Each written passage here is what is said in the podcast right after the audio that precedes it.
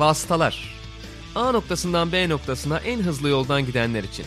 Malisel Işık, Barkın Kızıl ve konukları motor sporları gündemini değerlendiriyor.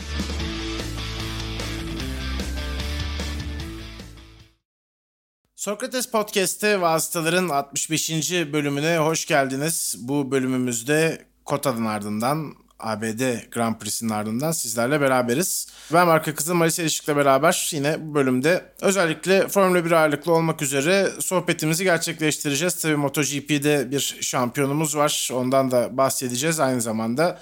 Türk yarışçılarda yine yer bulacak. Mali nasıl bir ABD hafta sonu oldu? İlk bakışın nedir? Sonra detaylarına girelim.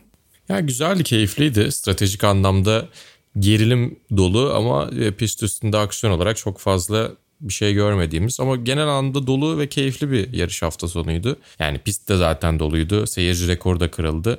E, Austin, Texas içerisinde biraz daha makul denilebilecek bir şehir bir de. O yüzden Texas'ı övmeden de Austin'i övebileceğimizi düşünüyorum.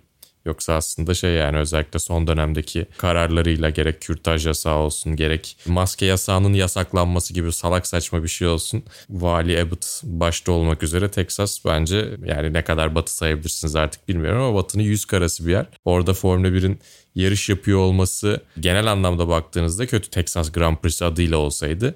Ama dediğim gibi Austin Texas içerisinde hem işte eğitim eğitime yakın olunca iyi oluyor demek ki. University of Texas'a yakın oluşuyla birlikte aynı zamanda içerisindeki hem işte e, oy oranıyla baktığınızda da okuyup okumadığını anlayabildiğiniz yerlerden bir tanesi. Çok da keyifli bir yer ben daha önce de bulundum. Austin, Texas'ta bu yarışın düzenleniyor olmasıyla birlikte ve acayip de bilgi görüyor olmasıyla birlikte işte 400 bin seyircilik bir rekor kırıyor olmasıyla birlikte bence çok verimli bir hafta sonu oldu. Formula 1'de çok memnundur diye düşünüyorum. Çünkü Amerika Birleşik Devletleri çok önemli bir pazar onlar için. Hem Liberty Media'nın tabii ki evi olduğu için ama bir taraftan da e, uzun zaman sonra gerçekten Formula 1'in bir Amerika ile barıştığını görüyoruz Circuit of the Americas sayesinde. Öncesinde çünkü Indianapolis'te bir fiyasko ile terk etmiştik neredeyse 2005'te sadece 6 aracın start aldığı garip yarış çok kötü yönetilen bir süreç. 2006 ve 2007'de iki yarış daha yapıldı ama artık kontratın sonunu beklediler. Sonra 2012'den itibaren Burası geldi ve yavaş yavaş yükselen bir grafik vardı.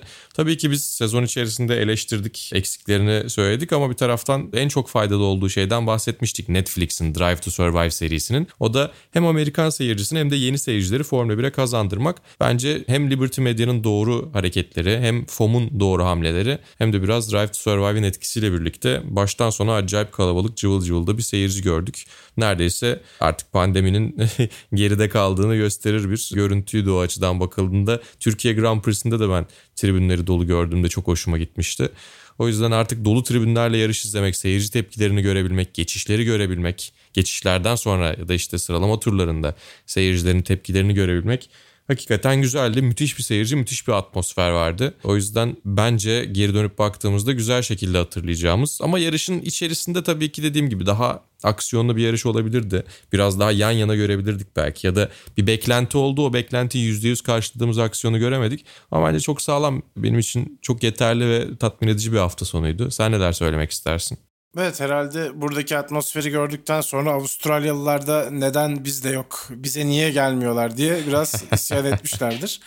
Çünkü gerçekten hani tıklım tıklım doluydu. Zaten pit yolunun da açıldığını gördük. Türkiye'de bu uygulanmamıştı mesela. Şey e, pit, pit yolu diyorum pistin podyum öncesinde. İşte yani hani görmeye alışkın olduğumuz o gelenekler vesaire hepsi vardı aslında izleyici anlamında. Daniel Ricciardo'nun çılgın bir taraftarının şu isi gündem oldu. Bilmiyorum gördüm mü Formula 1 sayfası da paylaştı. Yani evet gördüm. Şöyle şaşırtıcı değil. Yani aslında bu işte Bogan kültüründe olan Avustralya'da biraz daha böyle işte Outback denilen yerlerdeki geleneklerden bir tanesi. Onun iz düşümü hep Texas diye örnek verilir. O açıdan iyiydi. Ama tabii yani hem lezzet hem de e, hijyen açısından bakıldığında bence biraz sırt bir gelenek. Ya, tabii Ama ne olursa olsun sonuçta Ricardo'nun taraftarlarının e, böyle şeyler yapıyor olması da yani sonuçta paylaşım oluyor. İnsanlar görüyor. Bir etkileşim oluyor. O yüzden güzel ama tabii ki yani biri teklif etse rencide edeceğim bir gelenek diyeyim. Ya evet ama altına hem Daniel Ricciardo hem McLaren ikisi de yorum yapmışlar. Mesela e yaparlar çünkü şey, ta, yani güzel bir yani fırsat zaten. O anlamda kötü değil zaten ondan bahsetmiyorum. Tadı kötü ama yani baktığında ya baktığında bir insan yüzünü ekşitiyor. Ne gerek var diyor. O ayrı. Bu arada tabii seyirci konusundan bahsederken ben biraz aslında Max Verstappen'in ne boyutta bir etki yarattığını daha böyle hani Avrupa dışı bir yarışla tekrar gözlemleme şansını elde ettiğimizi düşünüyorum. Onunla beraber zaten Meksika yakın olması sebebiyle Çeko'nun da çok sayıda taraftarı vardı. Tabii. Yani biraz böyle Red Bull'cuların ağırlıklı olduğu bir taraftar kitlesi vardı bence bu 400 bin kişilik katılımda. Şey de enteresandı. Ferrari tişörtü giyenlerin hiçbir tepki vermemesi takibe. o da enteresandı. Yani bizi ilgilendirmez gibi gözüküyorlardı biraz. Ben de çok çünkü tribünlere baktım. Hani sen de oradan girmişken biraz ben de neler gördüm onları söylemek istedim diyeyim ve artık biraz da pistin üstüne yarışa doğru dönelim istersen. E, Senin dediğin gibi yani belki evet aksiyon olmadı o geçişi bekledik olmadı ama daha stratejik ve daha böyle hani Jaws filmi gibi takibi böyle yavaş yavaş tur tur izlediğimiz hep gözümüzü zaman ekranından ayıramadığımız bir yarış sonu oldu. Bence heyecanlıydı açıkçası yani bilmiyorum sen heyecanlı buldun mu ama ben gerçekten bayağı bir heyecanlandım hani ne olacak nasıl olacak? Acaba Hamilton birkaç tur önce pite girmeli miydi? İşte lastik değişimi için. Orada mı kaçırdı farkı? Çünkü işte pitten çıktıktan sonra gerçekten zaman farkı açılmıştı ve aslında bence bekledikleri kadar da götüremediler herhalde lastikleri. İstersen oradan bahsederek girebiliriz. Biraz daha belki uzun kalabilirlerdi ya da bu kadar uzun kalamayacaklarını hesap etselerdi de daha erken gelebilirlerdi diye düşünüyorum Mercedes cephesinden. Ya valla yarışın sonrasında dönüp baktığımızda şu olsaydı daha iyi olurdu denilebilecek şeyler tabii ki vardı. Ama yarış sırasında da yapılabilecek daha iyi şeyler muhtemelen yoktu. Bence o yüzden hani eksiklerdi demek doğru değil strateji anlamında. İyi bir strateji ortaya koydular. Sadece Red Bull ellerindeki stratejiyi daha iyi şekilde uyguladı. E, Ama bence çok keyifli bir yarıştı. Çünkü olacak mı olmayacak mı yetişebilir mi? Aa yetişecek gibi duruyor. Yok yok yetişmeyecek falan. Bu şeyler içerisinde sürekli bir bilinmezlik vardı ki eminim pit duvarında da bizden daha net bir şekilde bilgi sahibi değillerdi ki bu bence çok nadir. Çünkü normalde bizim gördüğümüz şeyin çok daha fazlasını görüyorlar. E, aynı zamanda tabii ki onların işi strateji yapmak. O yüzden bizden her zaman olduğu gibi 100 adım ileride oluyorlar. Bu sefer bilinmezlik daha fazlaydı onlar için de diye düşünüyorum. Türkiye Grand Prix'sine benzer bir durum o anlamda vardı. Yani geriye dönüp bakıldığında şöyle yapılsa daha iyi olabilirdi denilir ama 100 kere deneseniz 100 kere de aynı şeyi deneyecekleri bir şart vardı. Çünkü sonlara doğru yani çok erken bir şekilde pite gelseydik daha iyi olabilirdi demiş e, Andrew Shovlin de işte 8. turda pite gelsek belki alabilirdik ama lastiklerin sonraki stintlerde ne kadar gidebileceğini bilmiyorduk demiş. Uzattılar orta stinti uzat, uzatabildiler. Orada biraz bir avantaj sağlayabilecekleri bir şey yarattılar açıkçası. Son stinti daha taze lastiklerle 8-9 tur daha taze lastiklerle gidebildiler. Ama pist üstü pozisyonu korumanın daha önemli olduğunu söyledi Lewis Hamilton'da. Ama tabii önde olduğunuz zaman undercut yeme ihtimaliniz çok artıyor. Çünkü arkanızdakinin hamlesine göre siz de pite giremiyorsunuz. Siz geçtikten sonra girmiş oluyor çok basit bir şekilde. E, hemen cevap vermek mi yoksa farklı bir şey denemek mi? Ya bunlar çok çok ufak farklardı zaten. O yüzden bence her, herhangi bir iki takıma da baktığımızda daha doğrusu her iki takıma da baktığımızda herhangi bir şekilde şunu daha iyi yapabilirler diyebileceğimiz bir şey yoktu. Çok denk bir mücadeleydi. E zaten 1.3 saniye farkla bitti. Bence çok güzeldi, çok keyifliydi. E tabii ki insan istiyor birkaç tur daha olsaydı bir lastik lastiğe mücadele görseydik diye. Ama birkaç tur daha olsaydı da yine böyle ucu ucuna denk gelecek şekilde hesapları yapacaklardı. O yüzden tur sayısının artması da bize geçiş sağlamayabilirdi belki. Yani o gerilim de bazen yeterli oluyor. Bazı yarışlarda o gerilimi vermesiyle hatırlanıyor geçiş olmasa da. E, Fernando Alonso'nun Örneğin Imola'da Michael Schumacher'e yaptığı savunma gibi geçiş olmasa da o gerilim geçecek mi geçmeyecek mi gerilimi de bir yarışı güzel kılabiliyor açıkçası. O yüzden bence çok keyifli bir yarıştı. Tam da senin saydığın sebeplerden. Evet bir de Kota tabii ciddi anlamda lastik giyen bir pist olduğu için o da bence stratejiyi biraz işte sınırladı ve hem sınırladı bir yandan hem bir yandan zenginleştirdi. O anlamda da güzeldi. Tabii hava sıcaktı. Asfalt korkunç bir asfalt zaten. Önümüzdeki yıl böyle olursa MotoGP sürücüleri biz yarışmayacağız demişlerdi. Bulundukları zemin ıslandığında yapısını değiştiriyor. Üstüne asfaltta işte çatlaklar, yarıklar, aşınmalar, çeşitli problemler ortaya çıkıyor ki asfaltı tıraşladılar o tümsekleri azaltabilmek için. Yine de deli gibi sekiyordu araçlar. Yani aslında pist tesis olarak ve asfalt olarak bakıldığında bayağı kötü durumda. Finansal olarak da çok iyi mi değil mi emin değiliz. Yani biz böyle söylüyoruz işte Kota Formula 1 tekrar geri gelmesinde çok önemli rol oynayan bir pist oldu ama yani 3-4 sene sonra esamesi okunmayacak bir yer haline de gelebilir. Özellikle Roger Penske'nin Indianapolis'i ve tabii ki IndyCar'ı hepsini birlikte komple satın almasıyla birlikte işler değişiyor olabilir. Yani bir Miami'de bir Indianapolis'te e, yarış yapıp e, Circuit of the Americas'ı kaderine terk edebilirler. Çünkü gelmek de istemiyorlar tesis kalitesi olarak bakıldığında MotoGP ve F1. Ya onları düzeltip inanılmaz bir seviyeye getirecek finansal destekleri de yok bildiğim kadarıyla. E o yüzden yani pist tasarlanmış olarak Herman Tilke'nin elinden çıktı. Daha sonra bunun uygulanması konusunda yapım aşamasında da zaten bir takım problemler vardı bildiğim kadarıyla finansal olarak. Yani pist güzel bir pist. Herman Tilke'nin tasarladığı dediğim gibi yine o böyle kendi alameti farikasını koydu. Bol Apex'li 8. virajdan sonra her yere koydu. Ama hiçbiri 8. viraj kadar güzel olmayan. E, o güzel detaylar var.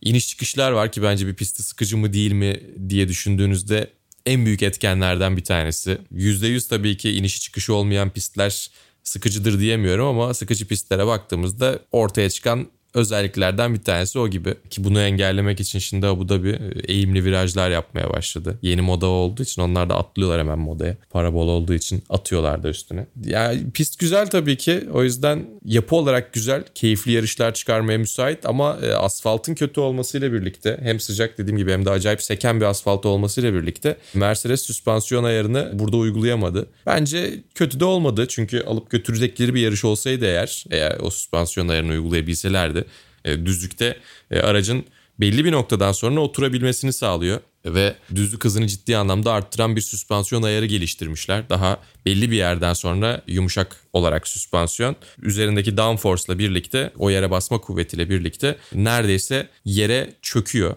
Bunu Türkiye Grand Prix'sinde görmüşler. Sonrasında da bahsedildi zaten. E onu uygulayabilselerdi belki daha fazla tam anlamıyla istedikleri gibi uygulayabilselerdi pist şartları uygun olsaydı belki daha üstün bir Mercedes görebilirdik. Böyle çok daha güzel oldu. Açıkçası yarış sonuçları da bence herkesi memnun etmiştir diye düşünüyorum. Özellikle Perez'in podyuma çıkması da zaten güzeldi. Son turlardaki o yakın mücadele çok güzeldi. Yetişebilecek mi yetişemeyecek miden kastımız zaten oydu. Neredeyse hakikaten DRS ile yaklaşıp geçecekti ama bir taraftan şeyi de gördük. Yani 2022'de gelecek kural değişikliklerinin ne kadar kritik ne kadar önemli olduğunu gördük. Çünkü aradaki fark bir saniye bir buçuk saniye bandına geldikten sonra o kirli hava o kadar zor yaklaştırdı ki Hamilton'ı Vettel'e, Hamilton'ı Verstappen'e, Vettel'e değil. Vettel seni andı. Verstappen'e yaklaşırken evet Vettel beni anmış olabilir. Vasıtalar nerede ya diyor olabilir. Bugün birazcık bu hafta biraz geç Biraz kaydediyor geç olduk. kaldık aynen. Aynen onu soruyor olabilir belki.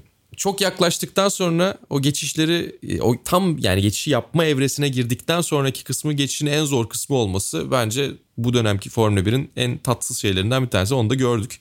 Belki birkaç tur mücadele görebilirdik. 2022'de böyle bir durum olduğunda muhtemelen son 5 turda 2,5 saniye kapatması yerine son 5 turda tekerlek tekerleğe mücadele göreceğiz. Start'a dönelim diyecektim ben de. Hı hı. Çünkü Hamilton'ın gerçekten çok iyi bir start aldığını gördük. Buna kıyasla Verstappen birazcık daha yavaş kaldı ama işte o çok az fark. Bir de Hamilton'ın tabii virajın iç çizgisini tutabiliyor olması startla beraber. İlk pozisyonu getirdi, liderliği getirdi Lewis Hamilton için ama burada da Red Bull'un çok iyi bir strateji işlettiğini gördük ve gerçekten pit stop'la beraber belki de beklediklerinden ya da beklediklerinden demeyeyim illa bekledikleri gibidir ama umduklarından da daha büyük bir farkla piste dönmeyi başardılar. Sonra da zaten senin dediğin gibi yani yaklaşılsa bile o takip uzadığı için Hamilton için işler daha da zor bir hale gelmişti ama yine de çok iyi bir start aldı Hamilton. Onu da söylemek lazım herhalde. Ve tabii Perez biraz hani Red Bull'la Mercedes'i konuşmuş olalım istersen. O da hiç içeceğini kullanamadan yarıştığını söylüyor. 20. turdan sonra hani bitmiştim artık fiziksel olarak çok zorlanmaya başlamıştım diyor. Sıcak havayla beraber tabii gerçekten hiç kolay değil. Ve bu şartlarda da yine de çok iyi bir sonuca imzayı attı aslına bakarsan. Tabii bu noktada Bottas'ı da biraz belki konuşabiliriz. O da arkalarda yine tırmanma mücadelesi içine girmek zorunda kaldı. Bence bir piyango çıktı ona. Ricardo ile Sainz'ın temas etmesi. Eğer o temas gelmeseydi muhtemelen Sainz'ın da arkasında bitirecekti. 7. sırada bitirecekti. Herhalde Ricardo'yu Sainz'e de geçme ihtimali yoktu diyeyim ve Ricardo demişken Sainz demişken oradan da McLaren'la Ferrari'ye bağlayayım istersen. Çünkü çok iyi getirdim.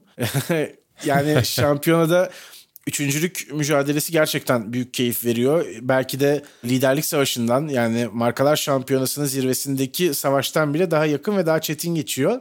Şey hatırlarsın Ben şunu diliyordum. Keşke hani McLaren ayrı Ferrari ayrı pistte iyi olmasa da şöyle bir pist üstünde kapışırken görsek. Aynı pistte iyi performans verseler diyordum. O yarış bu yarış oldu biraz, biraz evet. Kotada oldu evet oldu. Tabii Ricardo'nun temasına Sainz bunu bilerek yaptı diye bir itirazda bulundu. Ama Hayır Ferrari takımı yani bu iddiayı devam ettirmedi belli ki. Çünkü ne not alındı ne incelendi bu temas. Günün sonunda da aslına bakarsan hani kim istediğini aldı diye düşünürsek Ferrari yine herhalde biraz daha önde bitirdi diyebiliriz. Leclerc'in dördüncülüğü var sonuç olarak. İşte Sainz Norris'in önünde kaldı. Yine birkaç puan kapattılar. Üç 3.5'a indi fark. Çok keyifli geçiyor üçüncülük mücadelesi. Ben gerçekten heyecanla takip ediyorum. Evet önce bir ikinci pilotları e, konuşalım. Sergio Perez'in hakikaten bir de üstüne mide rahatsızlığı varmış. Onun üstüne bir de 20. turdan itibaren bitmiştim. Yani elimde ayağımda kuvvet kalmamıştı deyip ona rağmen 3. bitirmesi çok büyük bir iş. Ve bence Meksika'ya giderken Red Bull'un da keyfini yükselten bir şeydir Perez'in bu formu. Ya Bottas çok etkisiz eleman. Tamam evet tabii ki kendi suçu değildi geriden başlıyor olması. Sıralama turlarında gayet iyiydi. Ama gerçekten gerektiği zaman dirseklerini çıkarıp geçiş yapamaması bu seviyede bir pilot için korkunç. Yine can çekişirken gördük kendisini. Doğru düzgün mücadele veremedik. Yani gerçekten altındaki otomobil bu farkı yaratabilecek bir otomobil. Ama Bottas da pek geçiş yapabilen bir pilot değil. Hiçbir zaman olmadı. Ama burada hem Hamilton'ı desteklemesi açısından hem takımlar şampiyonası açısından her ne kadar istediği pistlerde, iyi pistlerde iyi performans verebilse de şu ana kadarki getirdiği puanla da Perez'den daha fazla katkı sağlamış olsa da sezonun bu noktasında artık birazcık kendini zorlaması gerekiyor ama zorlayacak motivasyon da yok muhtemelen. Ki zaten psikolojik anlamda, mental anlamda da hiçbir zaman oraların topçusu olmadı maalesef. Ancak e, Instagram yorumlarından gaza gelip yarıştan sonra da nobody nobody oğluna bunu, bu yarışı senin için kazandım diye laf söylesin. O yüzden e, Valtteri Bottas'ın performansını nereden görmek lazım bilmiyorum. Yuki Tsunoda'nın savunmasını övmek gerekiyor ama Bottas'ın da e, basiretsizliğini yermek gerekiyor. Bir taraftan da dediğim gibi Sergio Perez'in acayip iyi bir performansı vardı. Hakikaten sıcak şartlarda içeceksiz yarışmak hiç kolay değil. Bunu bir mide rahatsızlığıyla yapmak zaten çok zor. Perez demişken yani özellikle sıralama işini iyi geçirirse, sıralama bölümünü iyi geçirirse zaten yarışta hani iyi olduğunu söylüyorduk. Tabii yarış temposu hep iyi. Başladığı zaman da zaten hani bir daha bırakmıyor aslında. Biraz yine anahtar cumartesi günü gibi gözüküyor bence. Tabii ki ama yani aracı tamamen anlayabilmek de e, cumartesi günü daha zor. Tek turda aracı anlayabilip tek turda iyi bir şeyler yapabilmek daha zor. O yüzden sezonun bu noktasına kadar hayal kırıklığı yarattığı alan oydu zaten Perez'in. Yetersiz gördüğümüz, en çok eleştirdiğimiz kısmı da oydu. Ama dediğim gibi pazar günü gösterdiği performans herhangi bir onu yavaşlatan şey olmasa da yani içeceğini kullanabiliyor olsaydı ya da ne bileyim işte mide rahatsızlığı geçirmiyor olsaydı da gayet sağlam çıktı yarıştı diyebileceğimiz bir performanstı. Özellikle Lewis Hamilton'ın strateji yaparken Perez de dikkate almak zorunda kalması zaten Perez'in tam olarak yapması gereken şeyleri yaptığı anlamına geliyordu. Orada görevini yerine getirdi. Diğer tarafa baktığımızda görevini yerine getirmeyen ya da veya görevinden habersiz bir Bottas vardı. Ama bir kere daha söyleyelim. Koleksiyon yapıyor gibi Mercedes de onun e, güç ünitesinin iç dayanmalı motorunu değiştiriyor. Yani onların da zararı ne olduğunu bu Bottas'ın geçiş yapamadığını Mercedes zaten biliyor. E, ama çok emin değiller. Muhtemelen onlar da işi riske atmak istemiyorlar. Çünkü işte yanmalı motorlarla alakalı bir takım şüpheleri var onların da. Ve böyle saçma bir durum ortaya çıkıyor. Bottas da o saçma durumdan kendisine daha iyi bir yer devşiremiyor bir şekilde. McLaren Ferrari mücadelesine gelirsek acayip keyifli zaten. Sezonun en keyifli mücadelelerinden bir tanesi onlar. Çünkü senin de söylediğin gibi bir yin yang etkisi içerisindeler. Hep birbirlerini tamamlayıcı performanslar sergiliyorlardı. E, ve senin de söylediğin gibi yine bu hafta biraz daha aynı pist içerisinde denk olabilecekleri bir performans farkı gördük ya da işte farksızlığı gördük. Zaten açılış turlarında dördü birden yan yana geldiler neredeyse. Çok yakınlarda acayip güzel bir mücadele vardı. Çok keyifliydi. Hem pist üstünde keyifli bir mücadele var hem de şampiyonaya baktığımızda, tabloya baktığımızda çok keyifli bir mücadele var. Sezonun son yarışına kadar sürmesini istediğimiz bir başka mücadele de o şampiyonluk mücadelesinin dışında. Evet, Lando Norris de ile iddialaştığından bu yana yüzü gülmüyor bu arada. Onu da söyleyeyim. Ee, gerçekten Soçi'den beri pek ortalarda gözükmüyor. Şampiyonada da Lökler yavaş yavaş yaklaşıyor kendisine. 21 puana indi fark. Bakalım nerede nasıl bitirecekler? Gerçekten McLaren ve Ferrari sürücülerini dikkatli ve heyecanlı takip ediyoruz. Buradan istersen devam edelim takımları konuşmaya, sürücüleri konuşmaya. Yani şöyle devam edelim. Alpine'le Alfa Romeo'nun kapışmasından bahsedebiliriz. Daha doğrusu Alonso ve Raikkonen ve sonrasında Alonso Giovinazzi kapışmalarından bahsedebiliriz. Gerçekten nostalji yaşatan bir ikili Alonso ve Raikkonen böyle sıkı birbirlerine karşı yarıştıklarını uzun süredir görmemiştik öyle söyleyeyim. Fernando Alonso da zaten bir süredir bu arada yani yine pist sınırları konusu açılacak biraz da onun için girizgah yapıyorum. Bir süredir biraz şikayetçi kurallardan. Hani herkes böyle yarışıyor bir tek ben mi aptallık ediyorum bir tek ben mi kibarlık ediyorum artık nasıl tabir etmek isterseniz bunları sorguluyordu. Yine işte İngiliz ya da Britanyalı değilseniz çok size göre çıkmıyor kararlar dedi.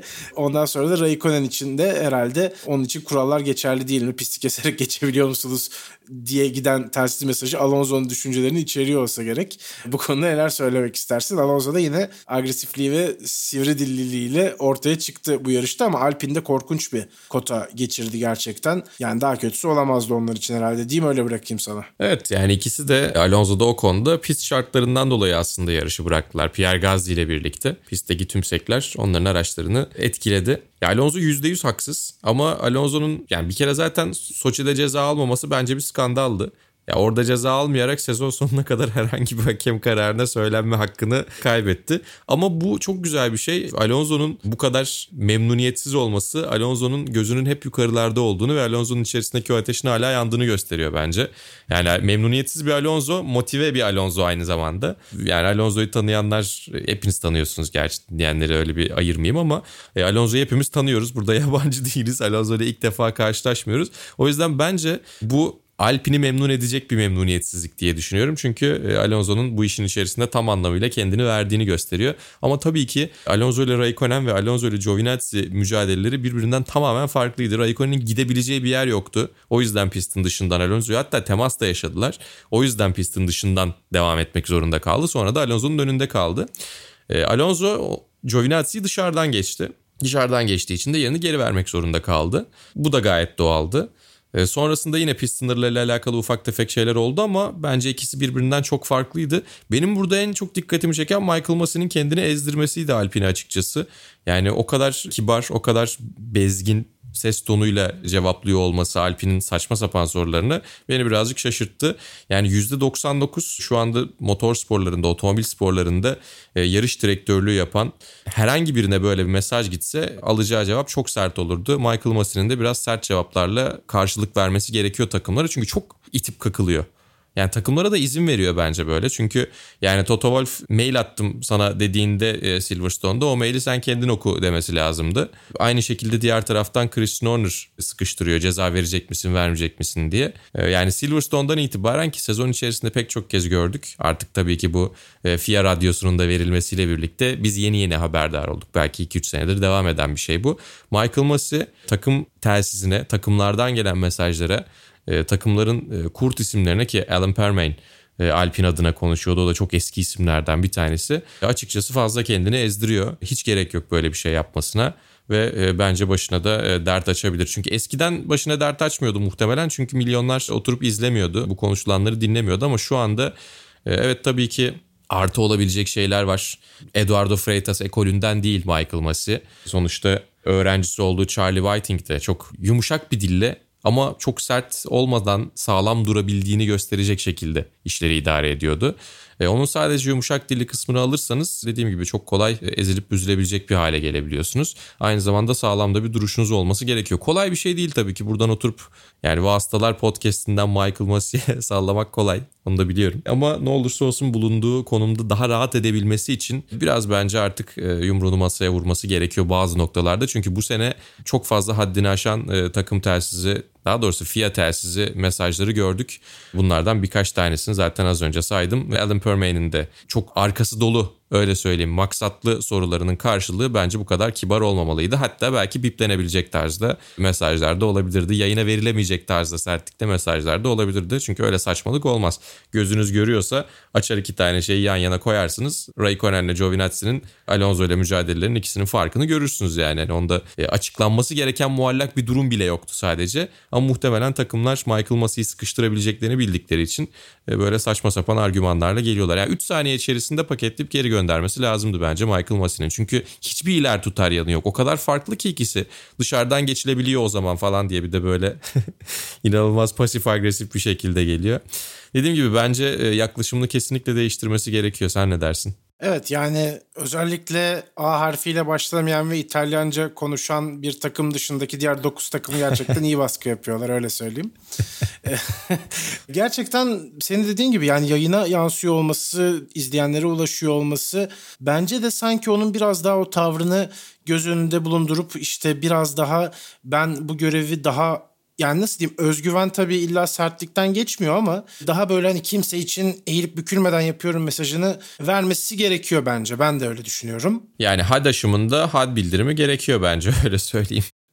Acaba o da yani gidici bir durumda olduğunu mu düşünüyor? Çok da umursamıyor mu acaba? Biliyorsun işte bu satılma mevzuları vesaire yarış direktörünün değişmesine kadar da herhalde uzanacaktır eğer öyle bir şey olursa. Yani o bizden daha iyi iç yüzünü bildiği için belki de bezmiş ve tamamen yani, biraz da gevşemiş olabilir. Yani onu da düşünmüyor. Eğer emekli olmayı düşünmüyorsa sonuçta burada yaptığı işlerle bir sonraki işini bulacak. O yüzden buradaki yaptığı işleri de e, iyi yapabilmesi bence onun da faydasına olacaktır. Evet tabii ki çok kucağında bulduğu bir görev oldu bir anda Charlie Whiting'in Avustralya Avustralya'da hayatını kaybetmesinden sonra ama geçici bir görevde olmadığı da artık belli kaç sene oldu. Ya tabii o ama yüzden... işte motivasyon meselesi diye düşünüyorum. Hani bir motivasyonu kaybettikten sonra bazen herkes için bu çok kolay olmayabiliyor ya işi yapmak. Doğru, haklısın. Belki o tarz bir anlayışta bir insan olabilir. Öyle bir insan olabilir. Bununla belki ilişkilendirilebilir. Yani sadece beyin fırtınası yapıyorum. Yoksa bildiğim için Hı-hı. konuşmuyorum tabii. Evet olabilir ama dışarıdan iyi görünmüyor yani onu da söyleyebiliriz. Yüzde yüz. Bence de dışarıdan iyi görünmüyor. Orası kesin. Yine Alfa Romeo'nun çabaladığı, uğraştığı ve sonunda puan alamadığı bir başka yarış oldu bu arada. Ya bütün o mücadeleler Alonso, Raikkonen, Giovinazzi kim varsa orada kapıştılar. Onun ekmeğini yiyen Vettel oldu. Onunculuğu aldı. Evet Raikkonen gitti koydu. spin attı. Vettel'e puan gitti. Enteresan oldu o anlamda da. Yani Vettel'e kısmetmiş gerçekten o bir puan. Yani başka nasıl açıklanır bilmiyorum. Onun dışında yani gerçekten Williams'ı biraz konuşabiliriz istersen. Çok uzun süredir onlar da ortalarda yoklar. Çok iyi bir rüzgar yakalamışlardı aslında neredeyse istikrarlı puan alacak kadar böyle hani ilerlemiş ve artık bir şeyleri oturtmuş bir görüntü vermeye başlamışlardı. Yavaş yavaş da orta gruba mı yaklaşıyorlar acaba diye düşünürken bir anda ortadan kayboldular ve bir süredir de hiç yok Williams. Yani eski günlerdeki gibi hani yine Haas var yine kurtarıyorlar da Haas'ların hemen önünde yarışları bitirmeye devam ediyorlar. Haas'lar da bildiğiniz gibi zaten.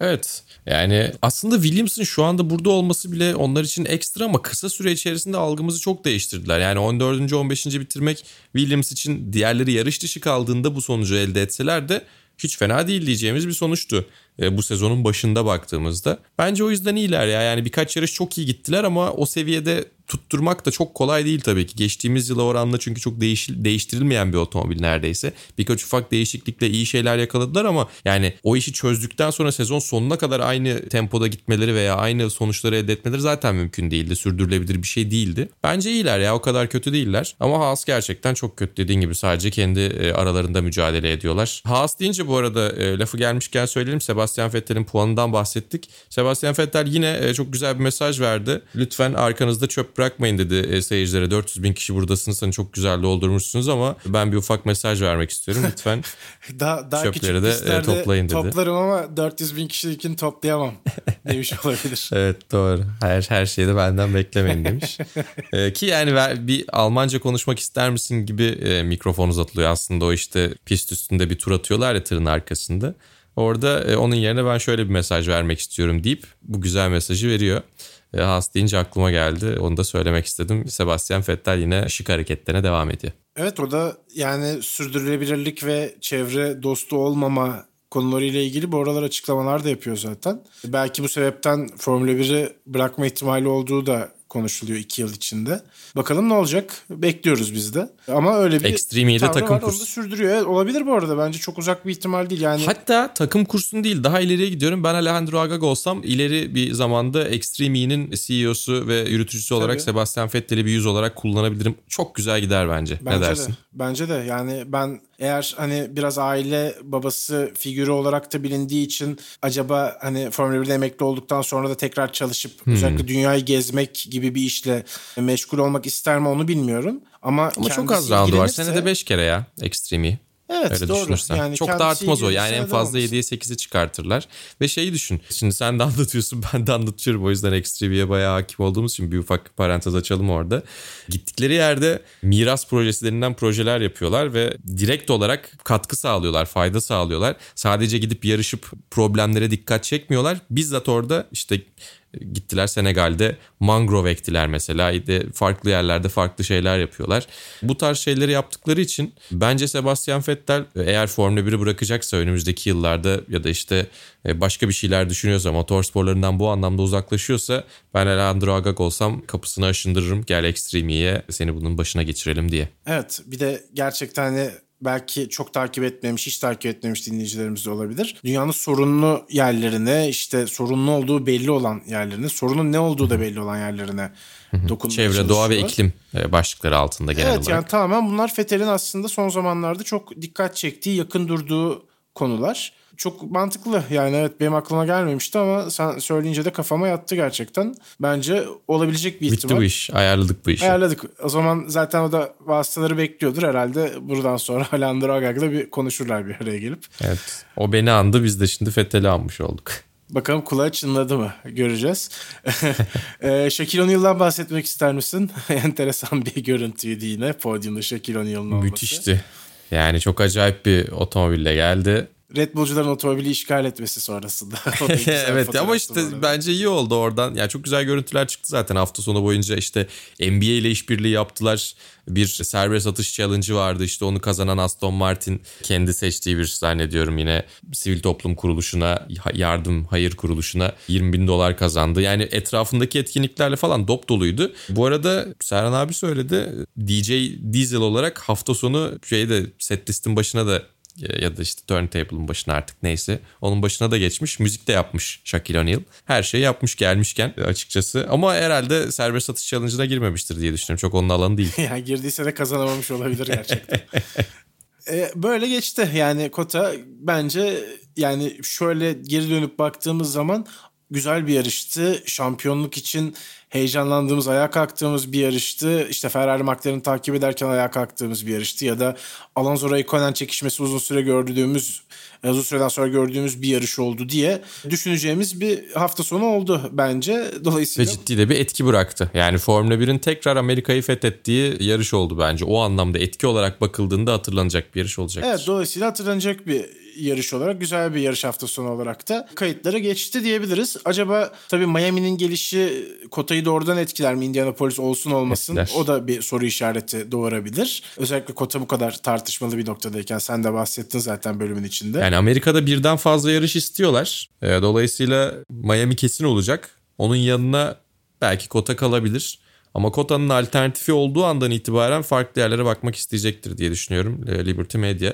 Bir de dediğim gibi aslında yani hani podcast'ın başında bahsettiğim sebeplerden dolayı Texas'ın protesto edilebilitesi de çok yüksek. Korkunç bir eyalet haline geldi. Rezalet bir yönetimle ve alınan çağ dışı kararlarla birlikte. O yüzden Liberty Media biraz ondan uzak kalabileceği daha güvenli yerleri de mutlaka düşünüyordur. Birazcık dediğim gibi Austin'in daha progresif bir yer olmasıyla daha ilerici bir yer olmasıyla kurtardılar. Ama yani hem tesis çok problemli hem finansal açıdan da çok iyi değiller derken ilk alternatifte bence e, Amerika Birleşik Devletleri Grand Prix'sini başka bir yere taşımak isteyeceklerdir. Evet böylece Formula 1 bölümümüzü noktalayalım. MotoGP ile devam edelim. MotoGP'de bir şampiyonumuz var. Fabio Quartararo şampiyonluğunu ilan etti. MotoGP'nin bu son günlerde sevimli bir şampiyonu var. Aynen öyle. Aslında Quartararo geçtiğimiz sezonda da çok iyi başlamıştı. Özellikle işte Marquez'in kazasıyla beraber o şampiyonluk noktasının diyeyim şampiyonluk pozisyonun açılmasıyla beraber de oraya güçlü adaylardan bir tanesi olarak gösteriliyordu. Gerek dünya kamuoyu gerek sen ve İzge tarafından. Evet. Nihayetinde Joan Mir olmuştu şampiyon ama bu sezon Quartararo o şampiyonluğu almayı başardı ve tarihte ilk kez bir Fransız sürücü Premier sınıfta şampiyonluk ilan etmiş oldu. Zaten hani bu muhabbet bu tarihe geçme konusu geçen sene itibaren konuşulmaya başlamıştı. Biraz tabii senden onun şampiyonluğunu yorumlamanı isteyeceğim.